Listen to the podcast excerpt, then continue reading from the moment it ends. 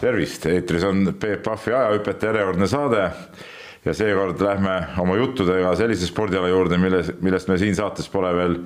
rääkinud. väga hea meel on tervitada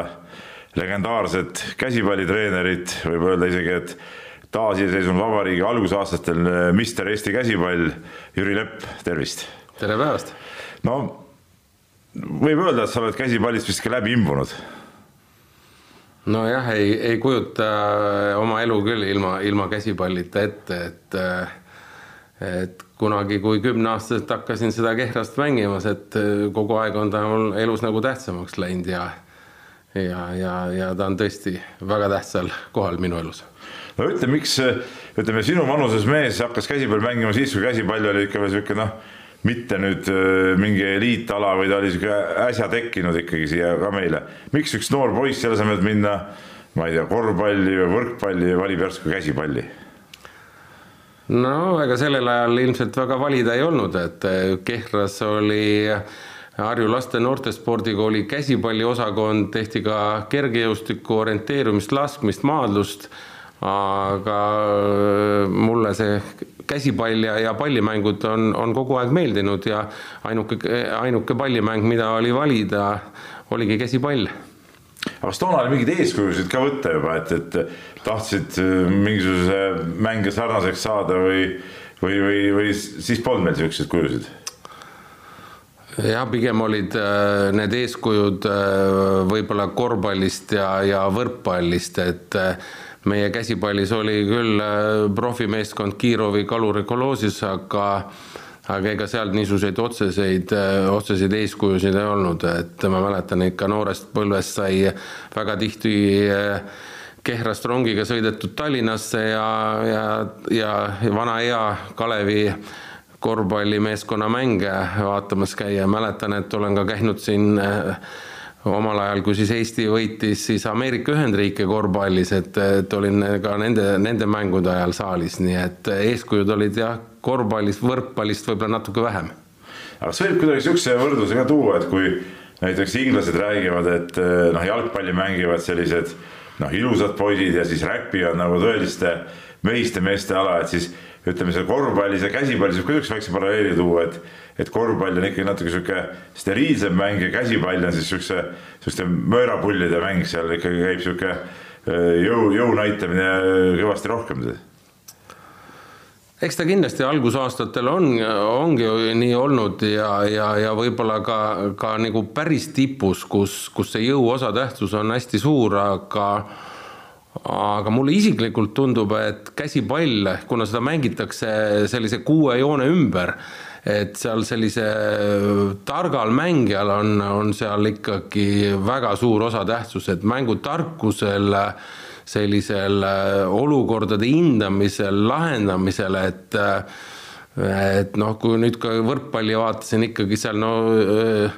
sidemängija osatähtsus on suur, et ta suudab ette lüüa, aga ikkagi seal käib ikka niisugune vajutamine, aga meil, kui sa õhus oled, sa pead veel, veel väga palju muid asju ka vaatama, et sa pead nägema väravahti, sa pead nägema joonemängijaid, ääremängijaid, ka teisi tagamängijaid, et käsipall kindlasti saab veel tohutult areneda selles suhtes, et äh, eks ta ongi nendest mängudest kõige, kõige noorem ja aga, aga ka viimase aasta arengud või viimase aja arengud on kogu aeg nagu, nagu mäng läheb, muutub ja, ja läheb tohutult kiiremaks ja, ja targemaks ja kavalamaks. No sa ütlesid, kümne aastaselt alustasid, et kui kiiresti sa aru said, et see mäng on on sinu jaoks ja, ja, ja et sa oled sellesse mängu nagu armunud, et tahadki selle asjaga tegeleda? no eks igalühel on mingisugused anded, et meist kõik on, on ilmselt mingis alas võib-olla, võib-olla head, aga mulle on nagu kaasasündinud selline väljaku nägemine, olukordade hindamine, et, et noh mulle tundub tihtipeale nagu väga raske, et äh, treenerina, et, et kuidas on võimalik, et ei näe, äh, et mängijad ei näe väljakut, no väga väike, väike osa näeb seda. aga mul oli see juba esimeses klassis selge, et ma mäletan, et kui ma pandi esimeses klassis rahvaste palli viskama, siis enamus ikkagi viskasid ja vaatasid, kellele otsa viskasid, siis mul oli juba see, et ma vaatasin ühele otsa, aga pihta sai hoopis teine ja noh, tihtipeale juhtus ka õnnetusi, et kui ikka keegi ei oota, siis sai ka vastu pead, et et selline, selline asi on kindlasti mulle nagu kuskilt geenidega või, või kuskilt tulnud, et et hea väljaku nägemine. no selle peale, su jutu peale võib mõni ütelda, et kas või nii kõvera käega või nii viltuse vaatamisega, et, et vaatab ühte kohta ja viskab teise kohta, eks ole. nojah, eks mul on seda mu kõverat kätt on räägitud, et ma olen siin noorest põlvest jalgrattaga sõites oma, oma, oma käe katki kukkunud ja aga noh, eks siin tõepära selles mõttes ei ole, et, et vasak käsi on kõver, aga parema käega viskan, nii et nii on, nii on, aga äh, kas see tõus Äh, käsipallis käis sinu jaoks nagu kergelt ja, ja lihtsalt, et, et kui sa noh, sa noorukina mängisid juba, ütleme siin mingid Eesti koondised, asjad, et äh, mingisugusele levelile jõudmine käis, käis kergelt sinu jaoks? ega noh, et me mängisime Kehra noorte poistega keskkoolis äh, juba vist viimases klassis mängisime meistriliigas ja ja suutsime mängida nii sellel ajal siis Tartu Ülikooli, EPA oli seal kindlasti, et me kõikide nende meeskondadega, kes seal olid, äh, suutsime mängida enam-vähem võrdselt, kindlasti oli eest ära Kiirovi kalurikoloos, kus olid profid ees aga, aga see viimane klass võib-olla hakkas jah näitama, et, et noh, midagi must nagu on, et, et võiks nagu seda, seda, seda mängu nagu edasi mängida. ja, ja sellel ajal oli oli kõikides neljas kõrgkoolis siis eh, Tallinnas siis Pedas ja Tipis ja, ja Tartus siis EPA-s ja, ja ülikoolis olid käsipallivõistkonnad ja, ja kõik nad ka üritasid mind endale värvata. eks mul oli siin tükk aega mõtlemist, et, et kuhu minna, et eh, ja, ja, ja kuna just eh, viimases klassis oli ka, oli, olime, osalesime NSV Liidu noorsoomängudel siis äh, äh, olid treeningkogunemised Tartus ja ja, ja treeninguid viis läbi siis Tartu Ülikooli õppejõud Rein Roos. eks see ilmselt siis ikkagi, ikkagi kallutas selle poole, et ma läksin Tartusse ülikooli kehakultuuri õppima ja ja, ja kaheksakümnendatel aastatel sinna juurde tehti ka veel kooperaatori äh, kooperaatori profimeeskond, nii et noh, eks ta läks kõik nagu niisugusest loogilist rada pidi hiljem. kas see kooperaatori meeskond oli siis selle Kiirovi kalurikolhoosi meeskonna kuidagi konkurendiks mõeldud või see oli, miks see teine meeskond nagu loodi üldse? tundus nagu, et eks seal kalurikolhoosis olid äh, need juba vanemad mehed ja see põlvkond hakkas juba nagu ära kukkuma, ma ei tea, eks sellel ajal oli oli ka ütleme riigi tasandil oli, oli paika pandud, et et üks niisugune profimeeskond hoitakse, ega seal ühegi spordi, sportmängudes ei olnud mitut sport, äh, sellist profimeeskonda. korvpallis oli vahepeal Kalevi ehitaja nagu jaa, aga ehitaja tundus ikkagi olema nagu duubel. Nagu, ta oli ikkagi otseselt duubel, nad ei olnud nagu konkureerinud ja see ehitaja mängis minu teada esiliigas, eks ole, ja, ja Kalev, nad ei olnud nagu konkurendid omavahel et ja, ja ma ei teagi, kas siis otsustati, et võib-olla kalurikoloost enam raha ei saadud ja siis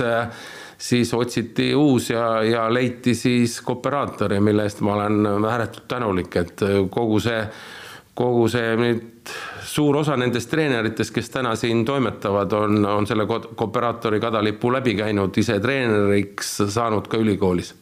no see kooperaator on ju ka äh, tänapäeval ju ei, ei teatagi sellist äh, ettevõtet, noh, pole olemas, eks see oli mingi tootmiskoondis kooperaator, kui ma õieti mäletan selle ametlik nimetuse. ta oli tootmiskoondis ja ta oli ikkagi, ikkagi selline hästi suur äh, firma, mis müüs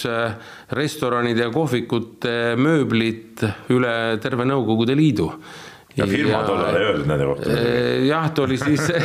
jah, täna me ütleme firma, aga aga eks ta oli ikkagi suhteliselt eesrindlik ja ja, ja väga paljudes kohtades, kui me siis selles Nõukogude Liidus ringi rändasime, et siis väga paljudes kohtades oli ka neid, seda mööblit näha, et eh, nii restoranides, kohvikutes, et et ta oli ilmselt võib-olla ük, üks suuremaid ja, ja kindlasti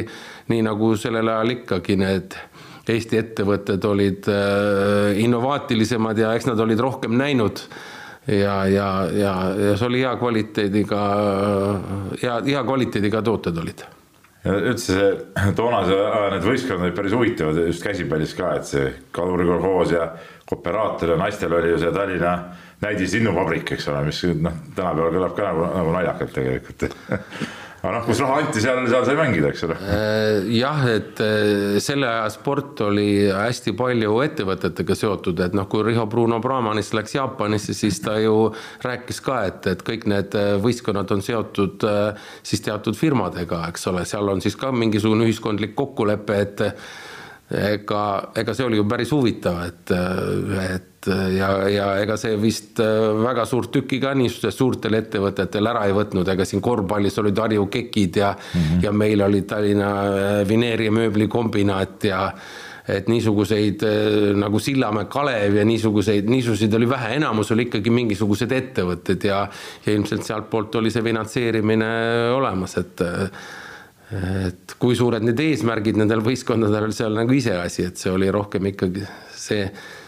tänapäeval need meistrissarja klubid kindlasti Eestis teevad kindlasti oluliselt rohkem trenni. võib-olla see esimene klubi siis kõikides alades tegi rohkem, kaks korda päevas, aga kindlasti need teised ilmselt nii, nii tugevalt trenni ei teinud, kui praegu tehakse ja nii palju. aga mida siis see kooperaatori meeskond endast nagu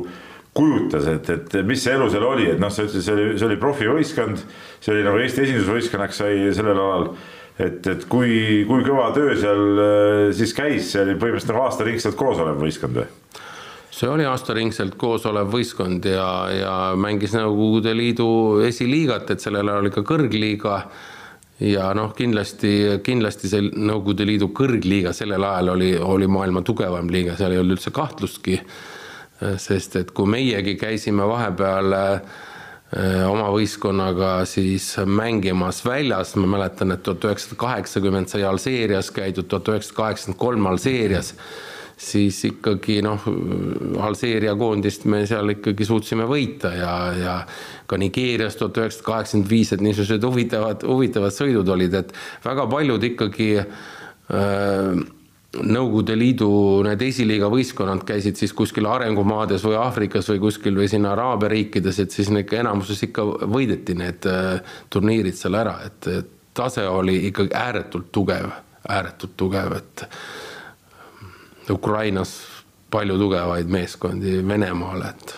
tase oli võimas. aga kuidas nende Aafrika riikides no toona, toona see reisimine noh, oli sihuke, et noh inimesed polnud Soomeski käinud, eks ole, rääkimas Aafrikast. et kas siis liidu spordikomitee määras, et nüüd läheb see võistkond läheb sinna ja, ja too tänna või, või kuidas neid reise saadi üldse? ja eks need käisid ikkagi liidu spordikomitee kaudu ja sellel ajal oli Vladimir Jegorov oli meil äh, siis äh, ütle, sellel ajal oli väga palju, väga palju ja. siis äh, föderatsiooni esimees ja tal olid head sidemed Nõukogude Liidu koondise liidritega, et Nõukogude Liidu koondis väga tihti käis treenimas Sillamäel, kuna sellel ajal oli saalidega hästi suured probleemid, aga Sillamäel oli just valmis saanud väga hea spordihoone selles, selle aja kohta. Ja, ja siis tekkisid head sidemed ja, ja kindlasti tänu sellele need ka Alžeeria ja, ja need Nigeeria sõidud tulid, aga eks see oli ikka ilmselt Nõukogude Liidu poliitika, et oli vaja näidata neid Nõukogude sportlasi ja neid viia siis sinna, aga noh, eks see rahastamine käis ikkagi, ega see raha tuli ikkagi koha pealt leida ja ilmselt see ETKVL ja, ja sellel ajal ja, ja kooperaator, nemad need, need rahad leiti, et, et, et me sinna sõita saime. no sa mainisid juba ka seda, et toona oli see tegelikult ju käsipall, nüüd ta on väravapall. et ma küsingi siia vahele, et, et kumb, kumb nimetus sulle rohkem südamelähedane on siis? No eks see, eks see väravapall on juba, juba ära ununenud, et mõni, kes, kes ei ole võib-olla siin kolmkümmend aastat mänginud ja siis tuleb, siis tuleb, ütleb väravapall, eks ta, kui, kui me selle asja ära muutsime siis ühes lauses alustasime käsipalliga ja lõpetasime väravapalliga, nii et eks ta läks meil endal ka segamini, aga, aga millest see tuli, et ega tegelikult kogu maailmas on ta käsipall, aga Eesti Vabariigi ajal oli siis selline asi, et oli nii võrkpalli kui korvpalliliit oli üks ja seda nimetati käsipalliliiduks. ja siis, kui see käsipall tuli, siis need ju vanad mehed kõik mäletasid, et käsipalliliit on ju võrkpall ja korvpall koos, et ei saa ju panna siis käsipalli. aga selleks ajaks, kui seal üheksakümnendatel hakati seda muutma, siis olid juba enamus inimesed selle, selle ära unustanud, et omal ajal võrkpall ja korvpalliliit oli siis käsipalliliit no kas see liidu esiliigas mängimine, noh, see tugevad satsid ja üle liidu laiali, see eeldas ikkagi mööda igasugust ime, imeurgastest sõitmist ka, et, et, et niisugust nagu, nagu reisikogemusi saite päris, päris ägedad, ma kujutan ette. jah, ega ega kogu see Nõukogude Liit on läbi sõidetud, minul jäi Armeenia sõitmata, kuna sellel ajal olin sõjaväelaagris et teised käisid ka Armeenias seal äh, võistlustel, aga aga sportlastel olid loodud ikkagi sellised tingimused, et esiteks me elasime äh, vähemalt nendes linnades, kus olid inturisti hotellides, äh, söömised olid restoranides, et see kõik oli ikkagi, ikkagi selle aja kohta väga nagu eesrindlik ja väga heal tasemel. mäletan siiamaani, et et kui me olime Taskendis, siis sai kunagi kuulsa Juri Ozeroviga ühes, ühes liftis sõidetud et oli ka seal puhkamas ja, ja mis seal oli nagu huvitav meie jaoks, et oli võimalik osta siis äh, alt puhvetist Helsingi Sanomaid, et, et mida, mida siin, siin pidid, pidid inimesed Kansan uudiseid lugema, Soome Kommunistliku Partei ajalehte, siis seal oli vabalt, sest keegi ei osanud arvata, et seal keegi oskab soome keelt lugeda, eks ta oli Soome turistidele mõeldud, aga oli, oli võimalik Helsingi Sanomaid iga päev osta. et põhjust võib siis ütelda niimoodi, et ole sa korvpallur või jalgpallur või, või, või käsipallur tol ajal, kui sa ikka olid sihuke noh, nagu selles noh, tipp,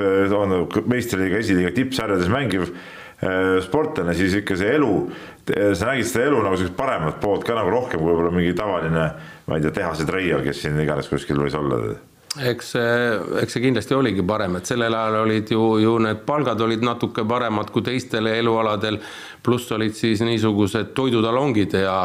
ja need olid siis niisugused äh, kas kakskümmend neli päeva kuus või et äh, no jämedalt öeldes palk oli kaks korda suurem kui, kui, kui tavalisel, et kui, kui tavaline inimene võib-olla sai kakssada, siis meie talongidega kokku saime võib-olla nelisada, nelisada rubla, et äh, sinnakanti, et kindlasti oli parem ja, ja noh, ja tegid, tegid seda, said äh, selle alaga tegeleda, mis sulle endale meeldis, et aga kindlasti ega see, ega see kerge ei olnud, et ega, ega suvine ettevalmistus ja kõik see tehti ikkagi, see oli ikka väga raske, et ega trennid olid ikkagi suvel, suved rasked ja see ei olnud ka meelakkumine. Need ettevalmistusperioodid ikkagi sellel ajal olid hoopis teistsugused kui praegu, et praegu lõpeb üks hooaeg ära ja juba hakkab uuesti pihta, siis sellel ajal ikkagi rohkem pandi rõhku treenimisele kui mängu, mängude arv oli ikkagi oluliselt väiksem kui praegu. Nojah, toona tehti ka pikki laagreid, oldi ju pikki, öeldi kaks-kolm nädalat äh, järjest laagris, eks ole, et see ei olnud ju midagi, midagi erakordset jah, jah, oli ka niisuguseid, aga noh, siis kui mina juba treeneriks hakkasin, siis, äh, siis ma arvan, et me enam nii pikki laagreid ei teinud, et eks see oli ka ise, ise oli võimalik otsustada, kui, kui pikad need laagrid teed. no äh, jutt oligi siis palgast korra, kes teile siis palka maksis, kas see operaator äh, ettevõttena või, või tuli kuskilt spordikomiteest või, või, või spordiühingu kaudu või, või kus, kus see põhipalk nagu tuli siis? no ütleme, selles riigis oli siis niimoodi paika pandud, et siis erinevatel spordialadel siis maksti siis kõrgliigas, meil oli siis mingil hetkel oli kõrgliigas kaksteist võistkonda, siis nendel olid nagu ette nähtud palgad ja, ja esiliigas oli ka kaksteist võistkonda, seal oli siis teatud arv mängijaid, siis oli treen-, kaks treenerit, siis oli massöör oli ja, ja, ja siis oli arst, et meil oli sellel ajal tänaseks väga kuulus äh, kirurg Madis Rahu sellel ajal, meie võistkonna arst. aga mm, mis see eesmärk siis oli, ütleme mängisite esiliigas, kas kogu mäng käis selle nimel, et tõusta kunagi kõrgliigasse, aga sinna te ju tegelikult ei jõudnudki ju? Jah, et ega meil kõige parem koht jäi neljas koht ja ja, ja mina asusin siis äh, treeneri äh, kohale kaheksakümne kuuendal aastal ja siis äh, oli ja, ja oli näha, et kogu aeg tuleb noori ja häid peale mängijaid. ja, ja arvatavasti, kui see Nõukogude Liit oleks nüüd edasi olnud, et siis me oleks ka mingil hetkel kõrgligasse saanud, aga ennem juba tekkis võimalus mängijatel välja minna, et meil tasapisi hakkasid juba mängijad, paremad mängijad hakkasid Soome ja Rootsi ära minema. et jah, et sinna me, sinna me ei jõudnud. no sa said peatreeneriks vist kahekümne kaheksa aastaselt juba, väga varakult, et, et miks sa selle selle otsuse tegid, et noh, see on ju parim mängija igales, et, et miks, miks hakata siis treeneriks nii vara? Nojah, et seal oli, see, oli seotud sellega, et me, et mingil hetkel oli Nõukogude Liidu esiliigas kaheksateist võistkonda ja siis tõmmati kaheteist peale. ja, ja meil oli just, olime Aafrikas, olime Nigeerias mängimas ja ka millegipärast, kas seal lennukid ei lennanud, vaid me jäime sinna veel kauemaks, me pidime olema seal tea-, kas mingi kaks nädalat, aga aga jäime veel kauemaks, olime seal kolm nädalat. Ja, ja, ja siis tulime sealt tagasi, kuidagi see aklimatiseerumine ja kõik, et kohe tuli siin oma kodune turniir, et me ei olnud nagu selleks valmis, ilmselt oleks tulnud seal treeneritel Aafrikas rohkem nagu trenni teha, aga võib-olla, võib-olla see kuumus ja kõik ja võib-olla ka ei õnnestunud neid saale saada, ma ei mäletagi neid nii täpselt, aga igatahes oli seis selline, et me kukkusime siis äh, Nõukogude Liidu esiliigast välja, siis, siis hakati mõtlema, et mis nüüd teha, no ilmselt esimesena tuli siis treener lahti lasta, siis hakati otsima, kes asemele panna, noh vaadati siis ilmselt mõeldi, et mängujuht võib-olla võiks olla see treener, aga mina ajasin seal kahe, kahe käega vastu, et noh, ise tundsid, et noh, et praegu hakkavad nüüd nagu need kõige paremad ajad ja et, äh, et tahaks igal juhul mängida, aga siis pandi, pandi mind fakti ette, et kui sa, kui sa treeneriks ei hakka, et siis saadame võistkonna laiali, noh, mis mul üle jäi, et siis ja, ja, ja siis tasapisi hakkasime sealt august nagu uuesti üles ronima, et ega sealt sellest liidu esiliigast oli, et sinna tagasi pääseda, seal olid ju ka kvalifikatsioonimängud ja esimene kord me sattusime siis äh, Usbeki mängima ja siis mängisime seal äh, ühes sellises linnas, praegu enam ei mäletagi, aga seal oli peaaegu viiskümmend kraadi augustikuus oli, oli, oli, oli soojaks, oli spetsiaalselt sinna viidud ja no seal me igatahes sellele kohalikule Taskendi võistkonnale ikka paari silmaga kaotasime ja siis me, siis me seal poistega nagu pisar silmas nagu leppisime kokku, et me võitleme edasi, teeme ühe aasta veel tööd ja, ja et, et peame esiliigasse tagasi saama ja, ja sellel ajal just, kui me olime väljas, siis meil oli mänge vähe ja tekkis nagu hea side äh, Peterburi Neva meeskonnaga, kes oli siis liidu kõrgliigas ja kellel oli siis lähedal nagu siia sõita ja siis nemad organiseerisid meile siis nende liidu kõrgliiga võistkonda, liidu koondis oli vahepeal kuskil laagrites ja siis nendel ei olnud midagi teha. Ja siis tihtipeale tulid siia siis näiteks Minsk ja ja Astrahan ja, ja Neva, et me mängisime siin mingisuguseid nelja meeskonnaga turniire ja ja tihtipeale isegi neid kõrgliiga võistkondi võitsime, kes, kes võib-olla mõned mehed olid liidu koondisse antud, aga aga sealt hakkas see nagu uus tõus pihta ja, ja, ja saime vägagi kõvasid mänge, et ja siis saime uuesti liigasse tagasi ja, ja, ja sealt tundus, et nüüd, nüüd hakkamegi sinna kõrgliiga poole jõudma, aga siis tuli jah, see, siis tuli see, et mängijad said kõik jooksu panna. no aga ikkagi nii noorelt mehelt, nii noore mehena võtta selline äh, koht vastu, see on ikka päris, päris korralik vastutus ka tegelikult, okei okay,, on ta siin esiliiga või meistriliiga, seal vahet ei ole, et, et sul on ikkagi terve võistkond taga, sa oled nagu ikkagi väikse Eesti sihuke esindus, esindussats ja hakata nüüd tegema ja, ja tegelikult varasemat kogemust ju sellises rollis ei olnud, eks ole, et, et kui palju neid siukseid unetuid öid või, või äh, tühjaks joodud äh, konjaki või, või, või viinapudelid ära kulus, et, et endale see asi kuidagi noh, nagu paremaks teha nojah, ega see noh, vähemalt oli see, et oli, olin ma nagu ülikoolis õppinud ja meil oli ikkagi seda sporditeooriat nagu õpetatud, et ma teadsin, et mida teha, et eks ma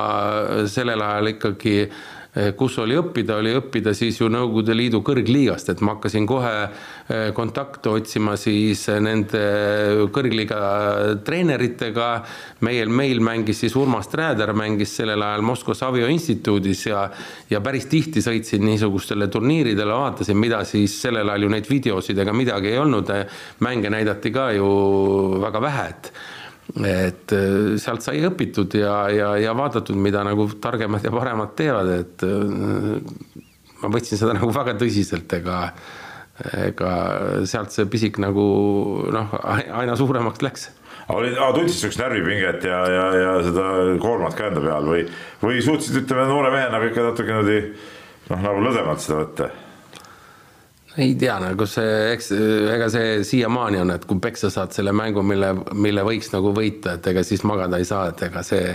see käib su kaasas, oled sa kahekümne kuue aastane või oled sa kuuekümne kahe aastane, nagu ma praegu olen, et kui kui sa ikkagi, ikkagi õige treener oled, siis ilmselt, ilmselt selle unetu ööga siis sa midagi lahkadki ära ja, ja sa saadki aru, et miks sa võib-olla saidki peksa selle, et kus, kus annab parendada, et, et eks ta nii on eluaeg olnud, et ega. aga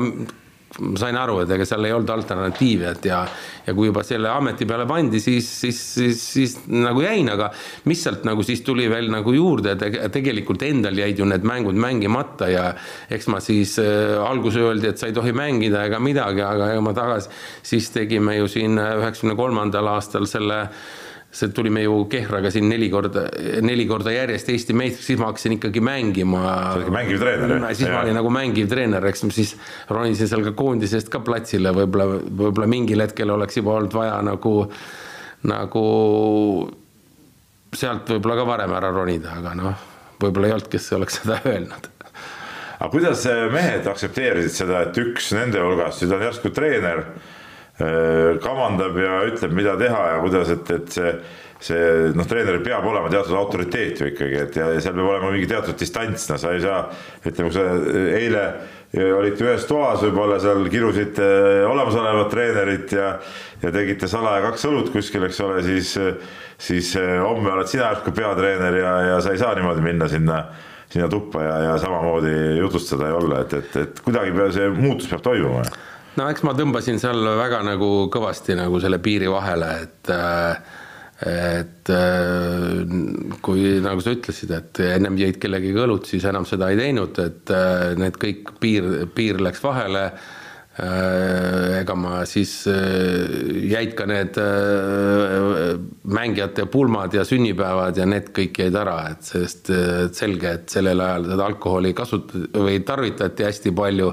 see oli täiesti elu lahutamatu osa. karsklasi peaaegu polnud no oli mingi ime, imelikud mehed vaata jah, et normaalne küll karsklane ei olnud et, et, et siin ma tõmbasin jah, niisuguse piiri, et eks ma kaotasin seal neid äh, sõpru, kes mul olid. Äh, ja eks seal tuli niisuguseid raskeid otsuseid teha, aga see otsus tuli teha, et ega seal muud varianti ei olnud, et äh, et ja eks ma, eks ma seal nagu süsteemist sees olles ise ju teadsin ka, et kelle peale võib nagu loota, et mulle, mulle lubati esialgu, et ma saan kümne, kümme meest palgale võtta ja noh, eks ma pidin seal niisuguseid raskeid otsuseid tegema. hiljem oli nagu, nagu kahju, et mõned, mõned oleks pidanud edasi sinna võistkonda jääma mm, -hmm. aga, aga noh, nii ta läks, et jah, piir hästi teravalt vahele kümme meest, sa ütled, kas toona olid võistkond väiksemad kuidagi või? no võistkond oli äh, mingi kaksteist, aga noh, eks sealt tuli siis kedagi kuskilt juurde võtta, aga kuna me sealt välja kukkusime ja siis mulle anti kümme meest, noh ilmselt need siis, kui saime juba liigasse tagasi, siis tekkisid mingisugused ametikohad ja asjad, aga noh, alguses oli nagu suhteliselt ikkagi raske, et sa olid üksi või, või ütleme, sul oli mingi abitreener ka tol hetkel või? ja Valentin Beljaev oli siin, oli sellel ajal oli rahvusvahelise kategooria kohtunik ja ta oli siin naistega olnud, äh, kui see linnuvabrik äh, oli, oli, oli siis heal tasemel, et siis ta oli sealt ka, et, et see kuidagi ma ei mäleta, kuidas see jäi, et noh, tal oli hästi palju sidemeid, oli just, just Nõukogude Liidus erinevates kohtades, et tema kaudu sai hästi palju niisuguseid äh, tutvusi ja, ja, ja noh, ja eks sellel ajal oli see kohtunike osatähtsus palju suurem, et äh, sohki ja pätti tehti kõvasti, nii et no eks kindlasti tema oli ka üks sellest, kes aitas meid, et, et meile, meile nii palju liiga ei tehtud ja, ja tihtipeale võib-olla aidatigi. no kuidas see äh, aitamine siis käis, nagu sa neid telgitagusid tead, eks ole, et, et kas seal tuli siis kohtunikele teha mingi ütleme äkki istumine või, või, või, või, või noh, teil oli sihuke äh, restorani sisustuste see firma, eks ole, sai kellelgi lubatud mingid, ma ei tea, mõned baariletid või, või mingid asjad või, või kuidas, kuidas see värk käis? päris nii kaugele vist ei läinud, ma ei tea, eks seal midagi seal ilmselt ka mingid kohtunikud mingisuguseid kokku pandud majasid ja ma mäletan, et midagi keegi nagu nõudis kuskilt, aga vist sinna niimoodi ei jõudnud see asi, aga see oli küll tavaline, et noh, et kui me võistlustele läksime, siis jagati need Vana-Tallinnad, Vana-Tallinnad jagati siis poiste vahel ära ja et, et siis need viidi kuskile edasi, et ega siis kohtunikel käis pidu seal ikkagi kogu selle aja jooksul, et ja see Vana-Tallinn oli sellel ajal ikka päris korralik valuuta no see oli valuuta, seda mäletan mina omast ajastki, et see, see oli korralik valuuta jah. aga kas juhtus vahest nii ka seal ütleme noh, kui sa ütled, kohtunikel omad peod ja värgid käisid, et vahest eh, mõni kohtunik tuli ebaadekvaatselt ka pärast sihukest pidu nagu, nagu välja või, või mis, mis treeneri nagu siis peale hakata, kui näed, et no mees ei, ei saa ju hakkama, aga teeb igast jama seal no ja ega kui keegi nagu niisuguse asja tegi, et ega see kohtunike elu oli ju väga hea, et ega ilmselt äh, kõikides alades oli ka selliseid kohtunikke, kes ikka mängude eest mingisugust raha võtsid, et ja kui sa ikkagi niimoodi, et sa mängule ei jõudnud, ju siis ikkagi sind löödi sellest süsteemist minema. Ja mängud olid ikkagi õhtupoole, et et seda ma nüüd ei mäleta, et oleks keegi tulnud, eks seal noh, jah, jääknähkudega kindlasti seal oldi ja liiguti ringi aga eks see oli nii palju ikkagi hea amet, et, et seda nüüd ei olnud mõtet ära kaotada enda jaoks. no kui palju toona seal nendes liidu erinevates linnades ka publikut käis käsipallil, et, et äh, oli, oli sel alal ka mingit populaarsust või, või, või ta oli ikkagi nagu liidu mõistes ka ikkagi natuke sihuke noh, nagu B-kategooria ala? Äh, kui ma nüüd võrdlen nüüd äh, näiteks, mida korvpalli, mida ma käisin siis ise siis poisikesena vaatamas, siis korvpall tegi väga õige otsuse,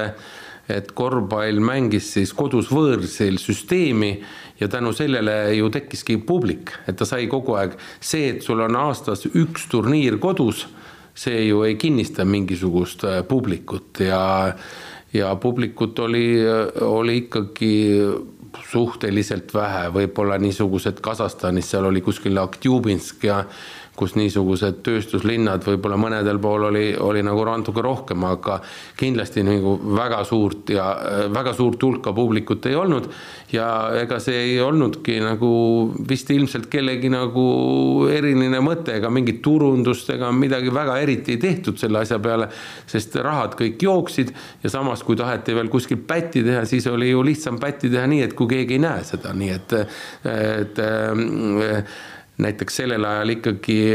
Vene Föderatsioonil oli siis vist kas kõrgliigas oli neli või viis võistkonda, siis vahel said isegi, kui käisin mänge vaatamas, siis vaatan, et kuidas see mäng ikka nii läheb, et nagu kogu aeg kipub seal üks ühega ees, teine teisega, kumbki nagu väga, väga ei pinguta.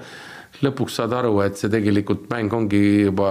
kokku lepitud, et mäng peab viiki jääma, noh et et aga kui oleks seal võib-olla viis tuhat inimest, oleks hakatud millegagi loopima, aga see oli jah, ala õnnetus, samas, samas kogu mõte käis selleks, et, et oleks vähem sõite, turniire rohkem, et tänu sellele saadi ju siis Nõukogude Liidu koondist hästi tugevaks ajada, kuna, kuna niisuguseid sõite oli vähem, treenida ja mängida sai nagu rohkem nojaa, aga kui spordi mõte on ju see et ikkagi pakkuda nagu inimestele etendust, eks ole, oma olemuselt, et, et et toona ütleme selles mõttes oli nagu raske seda mängimiseks nagu seda mõtet üldse leidagi, kui, kui keegi seda mängu ei näe. Äh, minu arvates seal oli, mõte oli ainult, et Nõukogude Liit oleks siis kuskil olümpiamängudel või maailmameistrivõistlustel oleks eesotsas. see, et kas keegi seda mängu näeb või näeb, seal seda niimoodi ei mõeldud, et, et au nendele korvpalli omadele, kes suutsid selle asjaga teha, et taheti tulemust saada, aga ka mängiti, et et see oli kindlasti äh, üks, üks suur viga, mis tehti ja eks see on siiamaani, venelased on selles hädas, et ega nad ei ole ju käsipallis mitte kuskile jõudnud, sellepärast et publik äh, on ju lahutamatu osa sellest, sellest asjast. meie Eestis oleme selle mingil hetkel ju väga-väga hästi endal paika saanud, need Kehra Põlva need no, lahingud. sinna veel jõuame. Need, need on, need, neid niisuguseid asju mina Nõukogude Liidus ei näinud, kordagi ei olnud sellist asja. ja, ja, ja, ja seda no see, see ongi ju spordi üks, üks mõtteid nagu, et, et miks seda muidu teha, lihtsalt omavahel kaks võistkonda mängivad, pole midagi. aga teine asi, mis praegult äh, ajakirja, noh, ütleme sport, äh, sportlased väga kurdavad, et ajakirjanikud panevad hirmsat survet peale, et kuidas toona sa mäletad äh, näiteks Eesti spordiajakirjandus, mis peamiselt koosnes siis kehakultuurist, spordilehest ja noh, okei okay,, seal Õhtulehes noorteajales olid ka mingid väiksed, noh, need väiksed rubriigid. kuidas nad reageerisid toona sellele esiliigast väljakukkumisele ja kas sihukest kriitikatulva oli, oli nagu kõvasti ja, ja, ja kui sa ise hakkasid treenerina tööle, et kas sa pidid seal ajakirjanikele aru ka andma või? no ma mäletan ühte sellist olukorda, kus äh, me mängisime Tallinnas ühte siis sellist Nõukogude Liidu äh, vooru, kus oli viis mängu ja me võitsime kaks ja kolm mängu kaotasime. ja pühapäeva õhtul oli siis spordisaade ja siis kuulan seda saadet ja siis noh, pärast me saime väga headeks äh, sõpradeks ja tuttavateks äh, Harri Matskiniga, kes käis tihti meiega ka mängudel kaasas ja valas ikka sellele meie meeskonnale niisugust soppa kaela, et vähe ei olnud, et ma nagu mõtlesin ise, et et olin ka nagu mängudel, aga, aga aetakse hoopis mingit, aga, aga ilmselt siis sellel ajal,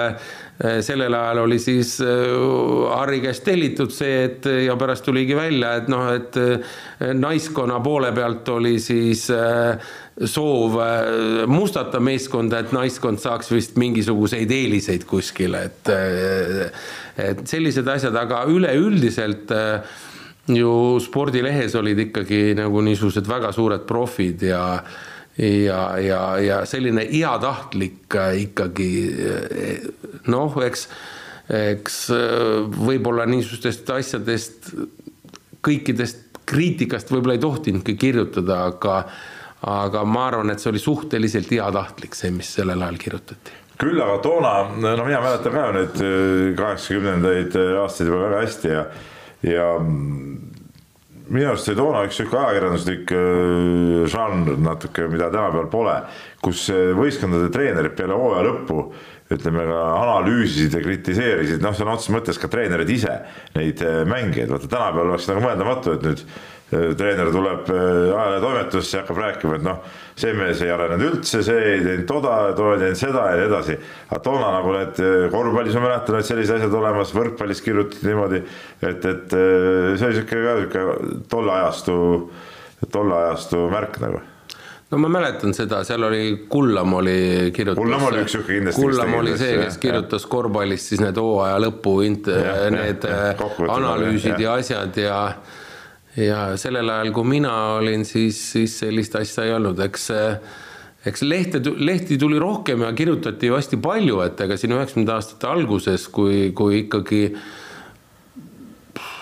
kui noh, seda internetti ei olnud ja seda sotsiaalmeediat ei olnud, et ja kui see Eesti sai vabaks ja neid lehti tuli, siis ikkagi hästi palju kirjutati, kõige rohkem käsivahelist on absoluutselt kirjutatud ikkagi siin üheksakümnendate ja kahe tuhandete vahel, kus need lehed õitsesid, et kus oli palju pilte ja, ja, ja, ja kus meil olid ka ägedad lahingud, ei saa midagi öelda. Nojah, siis ma olin ise ka ajakirjandus, ma mäletan väga hästi, kui seal kolleeg Gunnar Press sõitis teiega pidevalt kaasas, eks ole, olid, olid, olid mängud ja asjad, et, et ei jah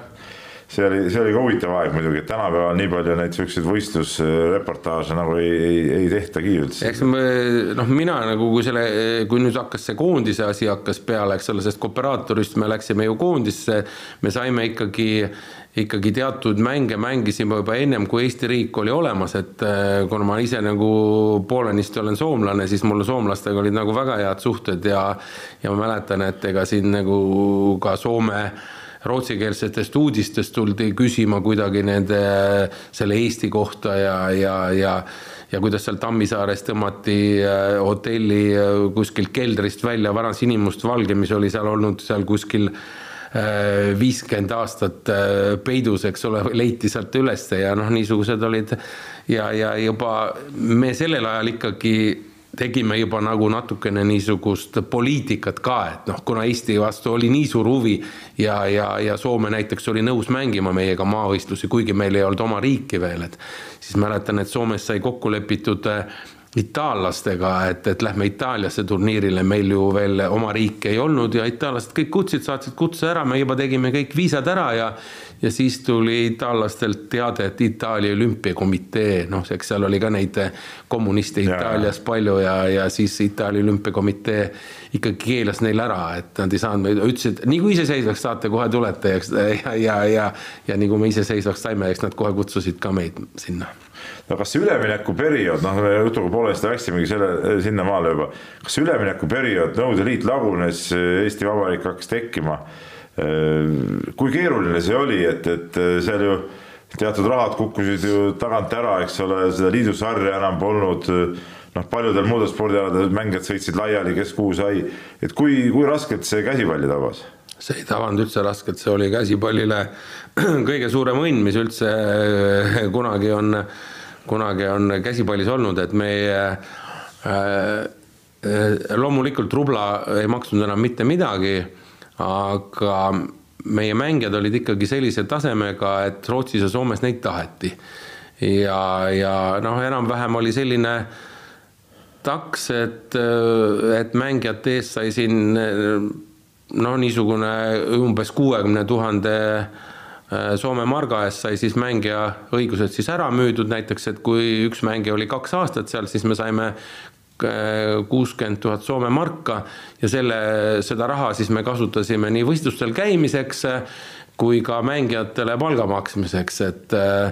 et ma mäletan, et siin, siin kohe päris alguses, kui inimesed said ära vahetada, et said sada viiskümmend krooni äh, rahavahetuse ajal, siis noh, meie mängijad, parimad mängijad said äh, kuus kaks tuhat krooni, et, äh, et. see oli metsik raha. see oli, see oli nagu väga kõva raha, et meil ja noh, ja niikaua, kui neid nagu mängijaid jätkus, need mängijad, mis ma maha müüsin, need kõik see rahad me panime siis ütleme koondise tegevusse ja siis hoidsime seda professionaalset süsteemi üleval siin üks, üks kaks-kolm aastat. täpselt enam ei mäletagi, nii et et mängijate müük oli see, kus koha pealt sai, sai raha ja see, see sai siis koondise tegevusse, me hästi palju mängisime erinevates äh, riikides turniiridel. Ja sest, et rublal endal väärtust ei olnud, aga samas oli õnneks võimalik veel Aeroflotiga sõita ja seal olid rublapiletid, millega, mis olid nagu jälle valuutasse arvestades väga-väga niisugused madalad, et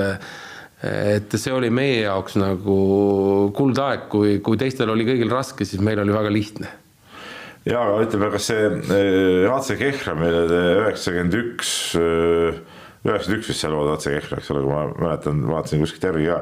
et, et äh, kas see tuli kohe nagu selle kooperaatori järel siis nagu selleks nii-öelda järeltulijaks või, või uueks profi käsipalli kantsiks või see päris ei, nii ei olnud? ei, see oli nii, et ega tegelikult oli juba siin nagu äh, tekkis selline süsteem, et äh, ka juba nõukogude aja lõpus, et äh, see kooperaator oli selline nagu koondis, mis käis siis liidu liigad mängimas, aga Eesti võistlustel siis äh, jagasime juba mängijad Vaja. laiali erinevates, et see kooperaator minu teada enam vist viimastel hetkedel enam ei mänginudki ja kui Eesti iseseisvus tekkis, siis see kooperaatori süsteem oli edasi, aga klubid, need mängijad, kes seal kooperaatoris olid, profimängijad, need jagasime siis erinevatesse klubidesse ära ja tegime kunstlikult, alustasime nagu niisugust klubi tegevust, et, et äh, esimene mm, Eesti meister, kes oli Valga Maret Sport, et äh, need said meie kooperaatorist siit mingi neli-viis mängijat, et ja siis koha pealt mehed juures ja ja, ja nii see kunstlikult sai, sai, sai tehtud. Ja siis äh, tänu sellele siis veel leidsid ka need kohapealsed Äh, võistkonnad siis nendele mängijatele veel lisa, lisavahendeid juurde. et see oli,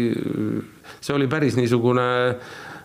päris suur hulk oli neid mängijaid, kes olid professionaalid sellel ajal. no kas toonase, noh, me ei teadnud tol ajal, mis see, mis need klubid õieti nagu tähendavad, nagu päris mõistes klubid, eks ole. et, et see klubi alustamine, noh, kuidas, kuidas te üldse teha või, või see oli nagu ikka hoopis nagu teine maailm kui, kui ütleme vanal ajastul veel ju. Jah, mis see nagu klubi, klubi nagu eelisega, ega seal midagi ei olnudki, et noh, et omavalitsus hakkas natukene raha andma ja, ja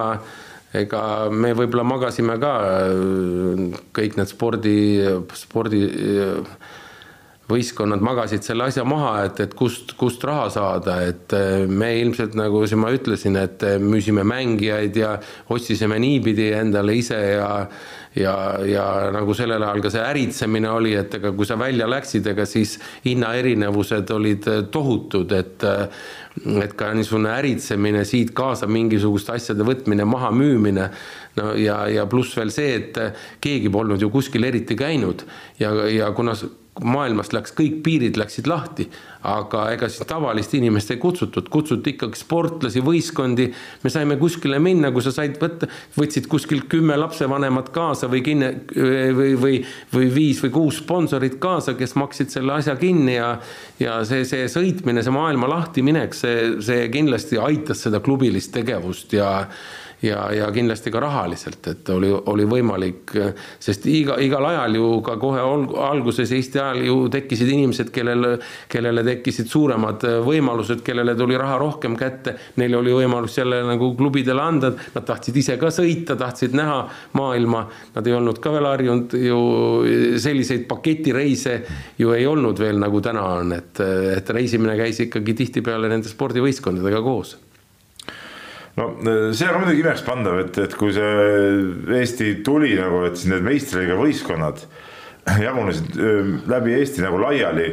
väikestesse kohtadesse ka, et noh, võtame sama see Kehra, eks ole, Valga sa mainisid, noh, Põlva seal pärast, Viljandi, Tapa, mingisugused nagu natuke nagu imelikud kohad, kui, kui nüüd niimoodi natuke jutumärkides ütelda, et, et oskad seda seletada, et miks see, miks see, miks see käsipall just niimoodi nendes väikestes kohtades nii kanda kinnitas? Ega need ei olnud, nad olid küll kunstlikult, need mängijad nagu sinna antud, aga tegelikult oli, oli Tapal oli kogu aeg käsipalli mängitud. Valgas oli kogu aeg käsipalli spordikool oli olemas, Põlvas oli olemas, Kehras oli olemas, et äh, sellel ajal ka mäletan, oli Jõgeval oli see, et me andsime neid mängijaid sinna ära, kus kohapeal olid juba see äh, lastetöö ja äh, spordikooli töö oli olemas, et päris niisugust, äh, päris nagu tühja koha peale ei tulnud, et seal olid juba need traditsioonid ikka mitukümmend aastat äh, ees olemas. aga see võis olla natuke sellest, et ütleme sihukeses, no võtame siin Kehras või, või, või Tapal, noh, seal käsipall on, siis äh, muud alad sinna väga ei mahu, aga Tallinnas nendesse võimlatesse käsipalli lastes te ju, ju mökerdate ära kõik põrandad oma, oma plägaste pallide ja, ja asjadega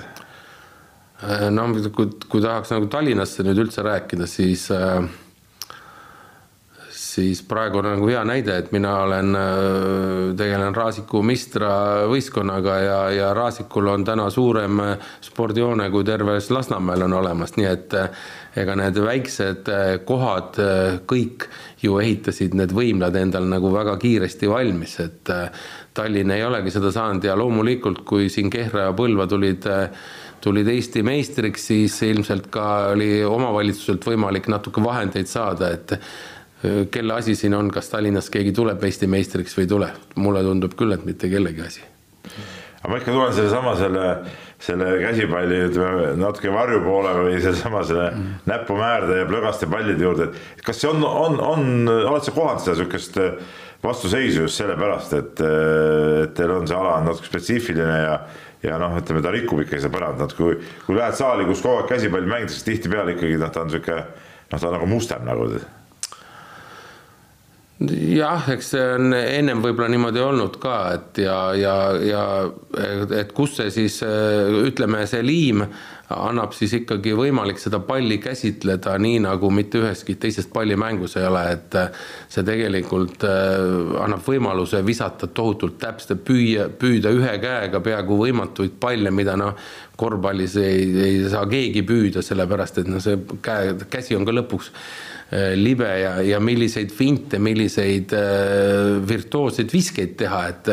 Äh, et noh, siin, siin ilmselt tagasiminekut ei saa nagu olla, et tänasel hetkel ma tean, et on on ka Rahvusvaheline Käsipalliliit sellega tegelemas ja on andnud siin äh, eri firmadele siin miljoneid, et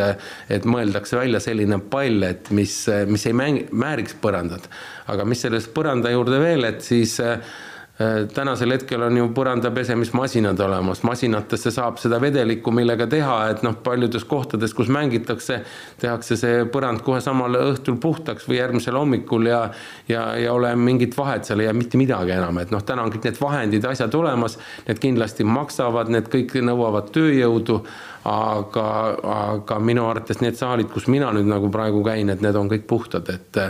kindlasti need plekid mingid hetkel jäävad, aga need on äh, kolme tunni pärast likvideeritud seal. no tänapäeval saab, aga vanasti oli see seda raskem. kas see, kas see liim ise on ka muutunud aastatega? kindlasti on siin looduslähedasemaid ja niisuguseid liime välja mõeldud, et mis tulevad nagu paremini, paremini põrandalt ära, et selge, et seal olid mingisugused äh, võib-olla vaigu ja ma mäletan, et ise me mingil hetkel ikkagi, ma mäletan, käisin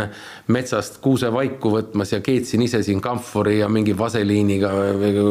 Nõukogude ajal lõpupoole, et, et kui neid kuskilt saada ei olnud ja, ja siis, kui piirid lahti läksid, siis sai Tšehhis sai toodud puupookimisvaha, et millega mängisime. selge, et noh, see oli hoopis, seda ei saanudki sealt põrandat võib-olla ära, et aga eks need olid põrandad võib-olla siin Nõukogude alguses olid ka nii mustad, sealt ei saanud arugi, et täna on see põrand on nii valge, et sealt tuleb see iga väike plekk välja, et, et aga ma arvan, et sellega, sellega, see on läinud nagu kogu aeg paremaks, aga ega, ega see on kahjuks meie alal ikkagi veel noh, natuke probleem. sest kui saal on must, ta on tolmune, siis see tolm jääbki täpselt sinna põranda külge kinni. Ja kui saal on puhas, siis, siis ta saab järgmiseks päevaks ilusti puhtaks ka selle vahendiga. Aga kas lapsed hakkasid ka kohe selle vahendiga mängima või alguses ikka õpetatakse nagu naturaalselt nii-öelda nagu puhta palja käega palli püüdma ja, ja viskama või, või millal see, äh, millal see mödin sinna nagu mängu tuleb üldse? no eks ta peaks ikka kuskil nagu kuueteistaastaselt on ikka väga keeruline seda palli, eks saab kedagi kindlasti mängida, et noh, et et saab kindlasti mängida ilma, aga, aga pallikaotusi on äh, mitu korda rohkem visked on ebatäpsed, noh, ma mäletan siin sellel ajal, kui, kui ma ise mängisin siin, siis ikkagi väravahid said väga tihti vastu pead et ja väravahtidel visati siin nina veriseks, aga tänasel hetkel on see, see pall on nii hästi mängijal käes, et väga harva, kui keegi vastu pead saab, sest et noh, mängija suudab seda mängu, palli nii hästi käsitleda. no sa olid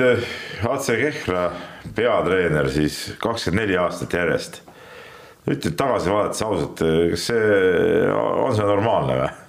selles suhtes normaalne, et, et ma mitte ei mõista selle küsimusega praegu hukka, vaid et kui sa lihtsalt vaatad, kas see oli liiga pikk aeg, kas, kas inimene ammendab ennast ühes klubis nii kaua töötades, on vaja mingit keskkonnavahetust või, või, või, või kuidas tagasi vaatad sellele perioodile? Ma olen ise Kehras sündinud, kui keskkooli käisin ka Kehras ära ja, ja peale seda ikkagi läksin Tartusse õppima, siis tulin Tallinnasse elama, et olen peale seda ülikooli kogu aeg Tallinnas elanud. ja ega seda, seda Kehra võistkonda ei oleks tulnud, kui oleks äh, oleks peale seda kooperaatori võistkonda tekkinud võimalus Tallinnas võistkonda luua, aga aga kuna me need kunstlikult need võistkonnad tegime ja, ja, ja, ja hakkasime tegelikult siis Tallinna linnuvabriku võimlas seal lool hakkasime trenni tegema. Kehras endal ju spordihoone ehitati alles kaks tuhat viis valmis, käisime siin Tallinnas ka trennis ja ja, ja kuidagi, kuidagi siis ikkagi eh, noh, see tundus, et see inimestel on see see, see Eesti meistritiitel on nii tähtis, et ma ei oleks alguses uskunud, et, et midagi, et see Eesti tiitel nii tähtsaks läheb ja ja, ja et, et see toob niisuguseid rahvamasse kokku ja, ja toob seal fännide vahelisi kaklusi ja siin on ju meil märulipolitsei on olnud siin mängude juures, et, et see asotaaž, kõik, mis seal ümber tuli, see tundus nagu, et, et, et on nagu võimatu, aga aga eks ma ikkagi mitmed aastad mõtlesin selle peale, et võiks nagu Tallinnas, et tulla sealt Kehrast ära ja teha seda Tallinnas, aga, aga esiteks Tallinnas ei ole neid saale ja on siiamaani neid hästi vähe, ei olnud nagu kuskil teha ja, ja ei ole ka Tallinnas, ei olnud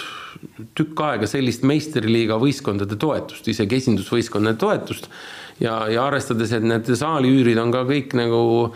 väga kallid siin Tallinnas, siis, siis ei olnudki nagu, siis oleks pidanud lihtsalt olema keegi, kes selle alustab, et suure raha välja paneb. ja, ja noh, kuna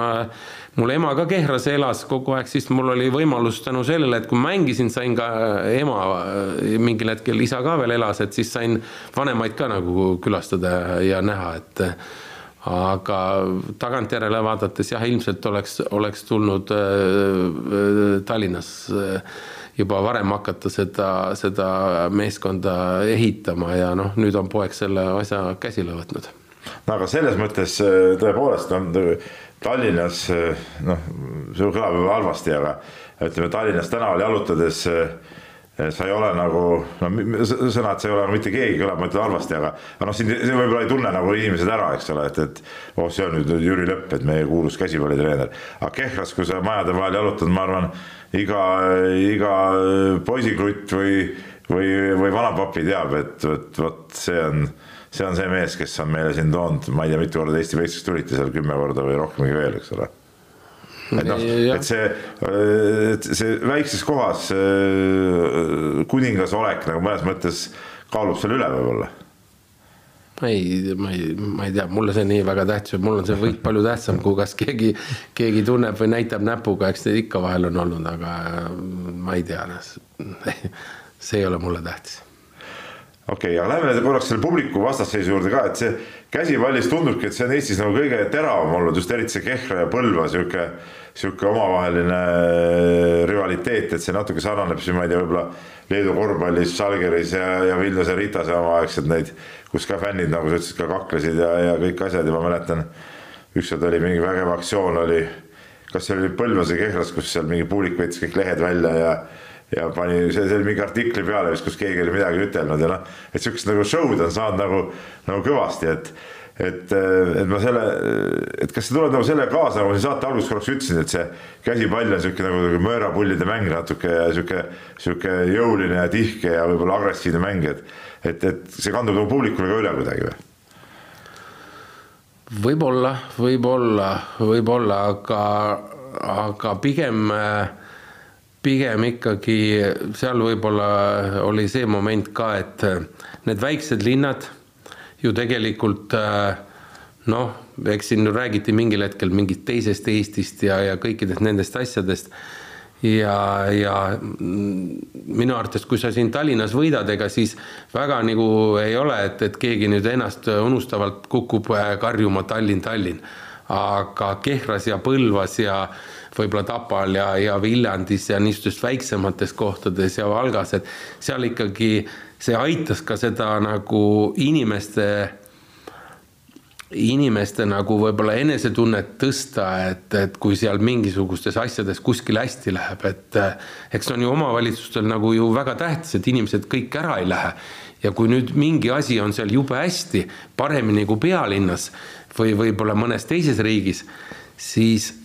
äkki ongi kihvt seal elada, et, et see on võib-olla ka koht, kus, kus saaks nagu seda kohta turundada ja, ja kui sellised metsapullid nagu seal Põlvas, seal mingi kakskümmend noort meest ei ole Tartusse ära läinud, on seal, sealt kohalikud naised endale leidnud ja, ja, ja tänu sellele ka seal äh, esimesse klassi võib-olla läheb rohkem lapsi, kui muidu läheks, et et, et niisugused probleemid võib-olla ka, et, et tulid siin mängu, et et uhke oli kehrlane olla või põlvakas mingil hetkel kindlasti, kui see tiitel tuli kätte. ja sa tundsid ise ka, et see nagu, see on kogu sellele asulale ülivajalik, eks ole, et see on. ma ei ole kunagi koondise mingi mänguvõidu eest kunagi nii rõõmus tundnud, kui, kui, kui sa tuled eh, Eesti meistriks mingil hetkel, noh, kui see, kui see vastuseis ja see ei saagi, et kui sa võidad tühja tribüüni eest, siis see ei olnud midagi, aga kui sul oli ikkagi terve mäng karjutakse seal ja sa ei kuule kahe meetri kaugusele, mis seal toimub, siis see oli äge. sa oled võitnud need Eesti meistritiitlid ju päris palju. kakskümmend. kakskümmend jah? jah, koos kooperaatoriga. jah, no kas on vahe nagu ütleme neljandal ja kaheksateistkümnendal tiitlil sinu jaoks, kas see emotsioon kuidagi väheneb või, või suudad sa endas ikkagi nagu sa ütled, sinu jaoks see võit on nagu tähtis ja et suudad endale igal juhul selle võidu nagu nii oluliseks teha? võidud on seda tähtsamad, mida, mida tasavägisem liiga on, et kuni üheksakümne kolmandani ma ju olin võitnud sellise võistkonnaga, kes oligi niimoodi komplekteeritud, ma pidingi võitma, mida ma seal tundsin, ma ei tundnud seal mitte midagi. seal aga üheksakümne kolmandal, kui kui oli vastuseis, kus oli enam-vähem samasugune meeskond vastas ja kui sa seda suutsid võita ja kui sa nägid, et see läheb veel teile kellelegi teisele ka korda, mitte ainult sulle endale, siis need võidud pakkusid nagu head meelt. kindlasti kui sa mõnikord olid oluliselt nõrgemalt äh, komplekteeritud, sa olid äh, sa olid, keegi ei uskunud, et võidad ja kui siis võidad, siis sisemalt tunned kindlasti rohkem rõõmu, et, et sa suutsid ikkagi nõrgema võistkonnaga võita, need on kindlasti need kohad, kus, mis jäävad rohkem meelde ja, ja mida nagu hindad ise ka rohkem. kui sul on äh, meeskond nii hästi komplekteeritud, sa peadki võitma, noh, sellest sa ei saagi nii palju rõõmu tunda. aga kas sa tunnetad ka seda, et ütleme kuidagi võib-olla viimastel aastatel, ma ei tea, viimased neli-viis aastat okei okay,, praegu see koroona veel ka võimendas seda kõike, aga juba enne seda kuidagi see ei puuduta ainult käsipalli, see puudutab ka muid äh, korvpalli, võrkpalli. Et äh, publikut on jäänud vähemaks, seda emotsiooni on jäänud vähemaks, intriigi on jäänud vähemaks kui vanasti. miks see nii on? no üks põhjus on ka see, mis me praegu siin räägime, et neid kohti, kus koha pealt, kui, kui ma kakskümmend aastat või kakskümmend viis aastat tagasi läksin rääkima, siis võib-olla oli Eestis paar kohta, kus said intervjuusid, täna, tänased sotsiaalmeediat ja kõike seda on nii palju ja inimestel on nii palju informatsiooni, inimesed ju tänaval kõnnivad ja telefonis vaatavad, et neil, neil, nad ei tahagi enam sinna saali või paljud ei jõuagi enam saali, sest nad, nad ei saagi enam telefonist või arvutist või kust iganes välja, et seda informatsiooni ja seda kõike tuleb nii palju, kõik on võimalik, nii et see konkurents inimese vaba aja nende mõnede tundide jaoks on nii suur et seal peab midagi väga hullu toimuma, et, et sinna saali tullakse ja, ja aga ei ole ka niisugust vastuseisu tänasel hetkel noh, meie alal, et kus oleks, kus mängud läheksid, meil oli ju mingil hetkel oli seitsme mänguni käis, eks ole, ja ja, ja seitsmendas mängus võideti seal mõne punktiga, noh. See, see ise loob intriigi, et seda pole ka ilmselt ka see korvpalli Tallinn-Tartu vastuseis on ju ära kadunud, eks ole, noh et et äh, ja, ja, ja, ja ega inimesed on ju targad, ega inimesed saavad aru, et ega me saame aru ju, et ega tänasesse klubisporti ju riik on nii palju läinud rikkamaks, aga tänasesse klubisporti ju riigi raha praktiliselt ei jõua, noh. riigi raha jõudis esimest korda klubisporti siis, kui Covid toetusi anti, ennem seda pole keegi sellise asja peale mõelnud et sportmängudele oli, see Covid oli selles mõttes veel parem, et anti esimest korda riigi toetust, mida mitte kunagi pole olnud. omavalitsused on küll võistkondi toetanud, aga täna sa võid ju teha endale ka sellise võistkonna, et ja tahadki minna kuskile Euroopasse, aga eh, ei ole sellist kultuurkapitali rida, et lähed eh, eurosarja mängima ja et, et, et küsid, et kuule, et me tahame nii kõvad mehed olla, et me tahame sinna minna mängima. aga raha pead ise välja ajama. no mis oli sinu, ütleme selle, võib-olla selle kehva perioodi nende võitude jooksul sihuke kõige emotsionaalsem võit, emotsionaalsem hetk?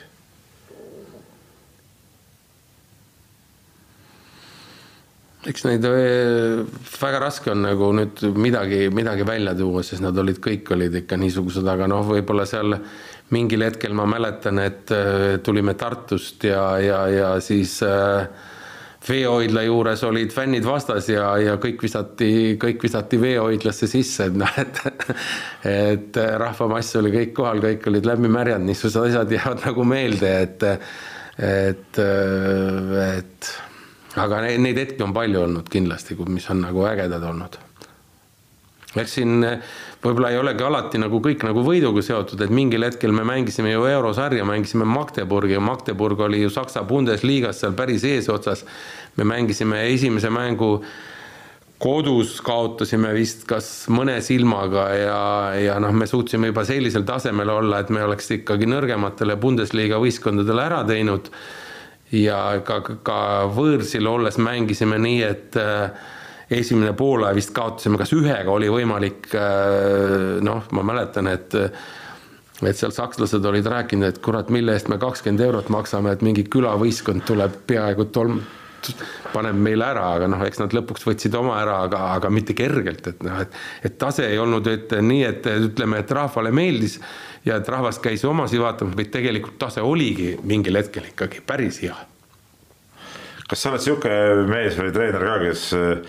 võidu peale mõnikord eh, pisara ka silmanurgast välja laseb või? eks ikka tuleb, eks ma olen niisugune emotsionaalne, et ikka tuleb, aga eks seda üritad nagu varjata ikka.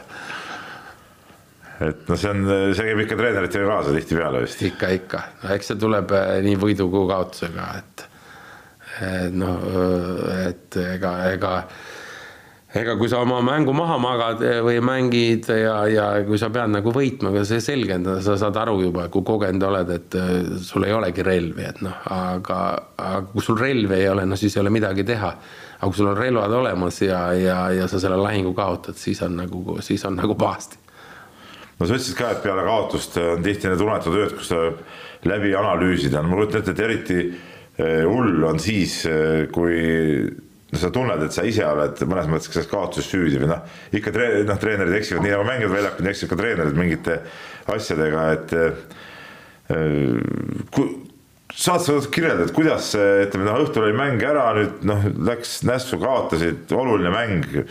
võib-olla läks tiitel või miski, äh, lähed koju, et, et kuidas, kuidas see läbielamine äh, Äh, käib, et sinu jaoks, et kas see on, ma ei tea, tammud mööda tuba või, või, või lihtsalt kerib ja kerib ja kas see, see võib mõnikord ka mitu päeva kerida äh, veel edasi või...? ta lõpeb ära, lõpeb, kui sa ühe öö, siis järgmine päev, no siis järgmine päev oled uimane ja järgmisel õhtul jääd hästi magama, et siis oled seal läinud, et no see on nagu ikkagi niisugune äh, niisugune kahekümne nelja tunni teema, et, et järgmiseks õhtuks oled juba nii noh, sa oled väsinud, sa eelmine öö ei ole maganud, järgmine päev sa jääd juba õhtul magama, tõused siis üles, siis on juba okei okay,, siis on see läinud, aga see ei ole nii, et ainult see sinu viga on, et isegi kui, kui, kui kui sa näed, et noh, ei ole sinu asi, aga noh, meeskond on halvasti mänginud ja ja, ja võib-olla isegi need, tase ei ole selline, aga ikkagi sa tahad, et mis siis, et sa natuke nõrgem oled, ikkagi, ikkagi sa tahad, tahad nagu võita, et see peaks, ma arvan, et see heale treenerile on see kõigil sees, et ikka, kes ikka, kellel ikkagi see, kui sul juba läheb see nii, et, et kas võidan või kaotad, no siis see ikka õige, see pole enam, et see peab ikka sees olema, et see tuleb kätte saada, kui vähegi võimalik on. no seal on veel see ka, et eh, noh, sihuke pettumuse moment, üks asi on see, et sa lihtsalt nagu kaotad, teine on see, et et sa võid ka eh, iseendas või, või võistkonnas pettuda, eks ole, et, et see pettumuse tunne ilmselt on nagu kõige, kõige ja. keerulisem nagu läbi elada. arvatavasti, ma, ma olen nagu, ma ei saa seda nagu mängu kohe järele vaadata, et, et see et kui sa seda vaataksid, kui sa seda kaotatud mängu jääd, vaataksid kohe nagu samal päeval järele või samal õhtul, siis oleks veel raskem, et üritad midagi, midagi muud teha, kas lugeda või, või, või, või vaadata mingit äh, poliitikat midagi või mingit dokumentaalfilmi või kuskil, kus läheb nagu ära, aga siis lähed magama ja siis, siis hakkab ikka ega sa selle eest ära ei põgene, et, et küll ta kuskil sul tuleb, võib-olla jääd pooleks tunniks magama ja ärkad uuesti ülesse või nii, et ega seda päris noh, päris nagu välja ei saa endast, kuigi sa üritad seda saada, et seda on suhteliselt raske saada kui tervislik see on sinu arust? see ei ole tervislik, see ei ole, see ei ole see, see ei ole see koht, kus see, see ei ole amet, mis on selle, selle, see amet on ju, ju äge, noh, sa, sa teed ju seda, mis sulle meeldib, aga aga, aga palka tuleb selle eest saada, et sa selles ametis, et sa tervist rikud aga kuidas sa tervist taastad? no ma ikka üritan ikkagi, ikkagi jooksmas käia ja, ja siiamaani, et ega ma ei ole nagu spordi nagu jätnud ja ma olen äh, teinud endale niisuguse eesmärgi, et ma pean nii vana, kui ma olen, nii mitu kätekõverdust ma pean suutma ära teha, noh, sellel aastal ma olen oma, oma, oma kuuskümmend kaks kätekõverdust ära teinud. nüüd ma saan kohe, saan kuuskümmend kolm, nüüd ma pean kuuskümmend kolm tegema, nii et noh. Aga selle peab päris vajuks, sa saad sada, siis pead saja aastat sada tegema ju. jah, no vaatame, kaua me jõuame teha no äh, see töö jah, on äh, ühest otsast äh, tore teisest otsast raske, aga noh, sa oled tead kõiki neid varjukülgi, aga ikkagi oled oma pojaga samale teele juhatanud, et nii mängijana kõigepealt, siis treenerina nüüd veab klubi, et olete nagu selles mõttes nagu hingesuulased või? Äh, eks ta mingil hetkel, äh, ma olen, äh, ma olen tegelikult see mees, kes on nagu kogu aeg ajanud seda, ma ei vaata nagu oma mätta otsast, et mingil hetkel ma tegin, olin ju kooperaator, ma olin praktiliselt siis Eesti koondise treener. ma olin nagu huvitatud, et igal pool oleks käsipall, siis mingil hetkel tegin Kehrast, aga samal ajal tegin ka Tallinnas noortega tööd. et ma olen nagu kogu aeg laiemalt vaadanud, mingil hetkel, kui on võimalus olnud, olen siin toetanud siin natuke Sillamäed, natukene siin mingil hetkel Siili palliklubi, et, et, et siin treenereid, et nad, nad ikkagi edasi teeksid ja ja ma olen seda laienemise juttu rääkinud, ma saan aru, et täna meil noortes on, on seis päris hea, meil on B-klassis siin oli kaksteist võistkonda ja kõik päris, päris niisugusel heal tasemel. aga, aga Risto on kindlasti see üks, kes on nagu käsipalli laiendamisse tohutult panustanud, kindlasti Eestis ei ole ei ole täna ühtegi inimest, kes oleks äh, käsipalli laiendamisse ja, ja, ja, ja, ja suurendada, nüüd Tallinnas on nullist praktiliselt alustatud ja, ja, ja siin on neid äh, praktiliselt kõikides äh, linnaosades on, on käsipall sees nüüd, et pluss veel on siin tüdrukutega natuke juurde tulnud, Pärnu oleme juurde saanud, et et mulle see teeb nagu head meelt, et, et see mäng on ju väga kihvt, et mäng on nagu, mäng on ju Euroopas on, on ju väga-väga suur, et ütleme, kui ta Eestis on ikkagi, ikkagi tänase hetkeni väga pisikene ala ja ja, ja väike ala, siis, siis, siis ta tegelikult ütleme, see meistriliigagi, mis meil praegu on ja esiliiga, et siin häbeneda pole midagi, et see on täitsa, täitsa okei tase praegu, et et siit ilmselt mingil hetkel hakkab see koondis ka nüüd nagu tõusma tänu sellele. ma ikkagi tuleks nagu Risto juurde tagasi otsapidi, et, et tema käsipalluriks saamine, kui palju seal on selles sinu soovi, kui palju tema enda sihukest kirge võib-olla või kihku seda teha? ma arvan, et hakkas seal kuskil kaheaastaselt hakkas saalis kogu aeg kaasas käima ja, ja ega mina ei pidanud talle midagi ütlema, aga aga juhtus selline asi, noh, käsipalli, et, et kuidas ta nüüd hakkas käsipallitrennis käima, siis siis ta oli Lasnamäel, oli Kuristiku gümnaasiumis, läks esimesse klassi ja sinna otsustati teha siis sellel ajal äh, spordiklass või tähendab, mitte spordiklass, vaid poisteklass. Ja seal poisteklassis oli vist kas kolmkümmend poissi oli. Ja siis klassijuhataja vaatas, et mis me nende hulludega tegema hakkaks, et võttis siis selle päeviku ette ja vaatas, et mida ma nüüd saaks nendega tegema, kas mõni lapsevanem mingisuguse alaga või kuskil nagu tegeleks, et saaks nendele poistele rakendust. Ja siis vaatab kooperaatori käsipallitreener ja siis võttis minuga ühendust, ütles, et kuule, et kas sa ei taha, et hakka nendele poistele trenni tegema, siis ma mõtlesin ja, ja siis, kui Risto esimese klassi kevadel, siis ma ütlesin, et okei okay,, et ma võtan selle ja,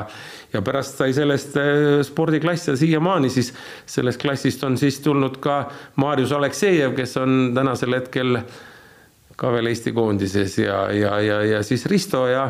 ja seal nii mitmed teisedki poisid on noortekoondises mänginud ja, ja, ja koondisse, vanade koondisse ka vist jõudnud. nii et eh, eks ta sealt hakkas ise pihta, ega mul ei olnud vaja kuskil enam öelda, et see see pisik kõik tuli äh, sealt nende, nende kooperaatori trennist, kus ta nägi, kuidas teised, aga ta käis. kui ma siis ütleme, sellesama esimese klassi poisid viisin Kalevi halli, siis mingil hetkel siis meestekoondise mänge vaatama, siis, siis kui teised jooksid seal Kalevi halli tribüünide all ringi, äh, siis, siis tema juba oskas mängu vaadata, et ta juba oskas sellest aru saada no see tuli ikka sinu verega kaasa. no ilmselt, ilmselt, ilmselt, ilmselt jah. no kumb kõvem mängumees oli? Äh, ega Risto kindlasti füüsiliselt niisugune võimsam, aga kindlasti ma, äh, et et mul olid nagu, nagu niisugused, mul füüsilised parameetrid ei ole kunagi suured olnud, ma olen, suure osa oma mängust olen peaga mänginud, et et aga kindlasti Ristole, Risto on nagu kaugemale mängijana jõudnud. Seda on raske tunnistada või, isana? Või hea tunnistada, vastupidi tahaks ikka ise kõva mees olla või ei taha?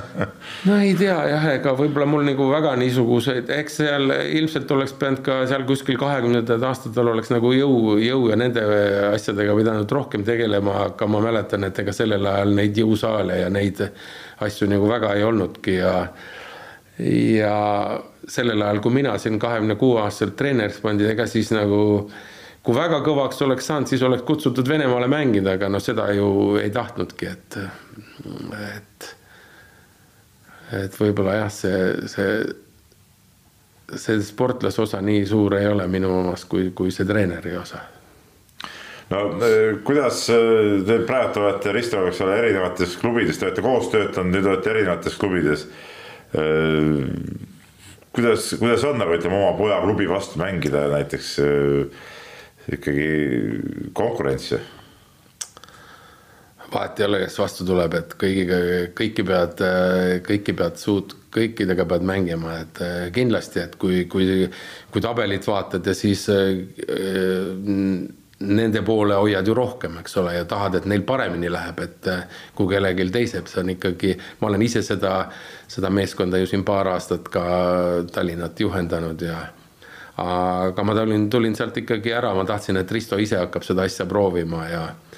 ja tegema ja, ja noh, aga ilmselt tema nagu kõige suurem väärtus noh, käsipalli jaoks on see ikkagi, et see, see tema nagu see laiendamine ja see nagu niisugune lai vaade, et, et ma ju võin teha, et mingil hetkel tegin ka viis trenni päevas ja võib-olla oli viis gruppi, aga aga võib-olla kui oleks äh, ajanud äh, viis või viisteist treenerit äh, selle ajaga juurde ja laiendanud nii, et siis see käsipall oleks kindlasti nagu pikas perspektiivis parem olnud. no hakkame väikse otsi kokku tõmbama, et tahtsin küsida sihukest asja, et kaua sa, kaua sa plaanid veel seda enda jaoks nauditavat tööd teha, et oled mõelnud ka või? No ma tean, et siin need äh, Venemaa koondise treener siin äh, Maksimov ja, ja, ja siis äh, Valgevenest siis Miranovits, et nad on mõlemad peaaegu siin kas kaheksakümnesed, et minu teada mõlemad on veel nagu tegutsevad, et et nii palju kui tervist ja jõudu ja, ja kui, kui, kui vajatakse ja, ja, ja kui suudad ise midagi veel kellelegi anda, et siis nii palju peab seda ikkagi, ikkagi tegema, et mingit plaani, et istuks diivani peale ja vahid telekat ja, ja et seda nagu ei ole, et aga tahaks, kui ennem ütlesin, et kakskümmend tiitlit on olemas, siis tahaks selle kahekümne esimesega kätte saada, et. No see on korralik eesmärk, see on korralik eesmärk, aga nagu ma siis nende näidete põhjal aru saan, siis no paar käsipallipõlvkonda jõuab veel üles kasvatada küll, eks ole. jah, mul on siin kümneaastased poisid on äh, on ka, kellega ma, kellega tegelen kümme siin, eh, osad on siin juba tegelikult jah, siin kaksteist aastat ja et, et, et mängijaid nagu tuleb ja ja, ja kuna ma seda nagu ei loe tööks, et et, et siis võib seda teha küll ja veel sa teed tööd, mis ei ole töö. jah, ega ma seda õigeks tööks ei pea, sest et ma teen ju sellist asja, mis mulle endale meeldib, et noh, töö ma ei ole kunagi pidanud, mul elus on see õnn olnud, et ma ei ole pidanud kunagi sellist tööd tegema, et ainult, et raha pärast, et ma olen lihtsalt äh, teinud seda, et äh, mulle see meeldib. et raha on tulnud nagu juurde ise. no see ongi super ja selle, selle tõdemusega on hea, hea seda saadet äh, lõpetada, et vaatasite siis Peep Pahvi A-hüpet järjekordset osa, kus oli stuudios Jüri Lepp, kahe nädala pärast on jälle uus inimene. kõike head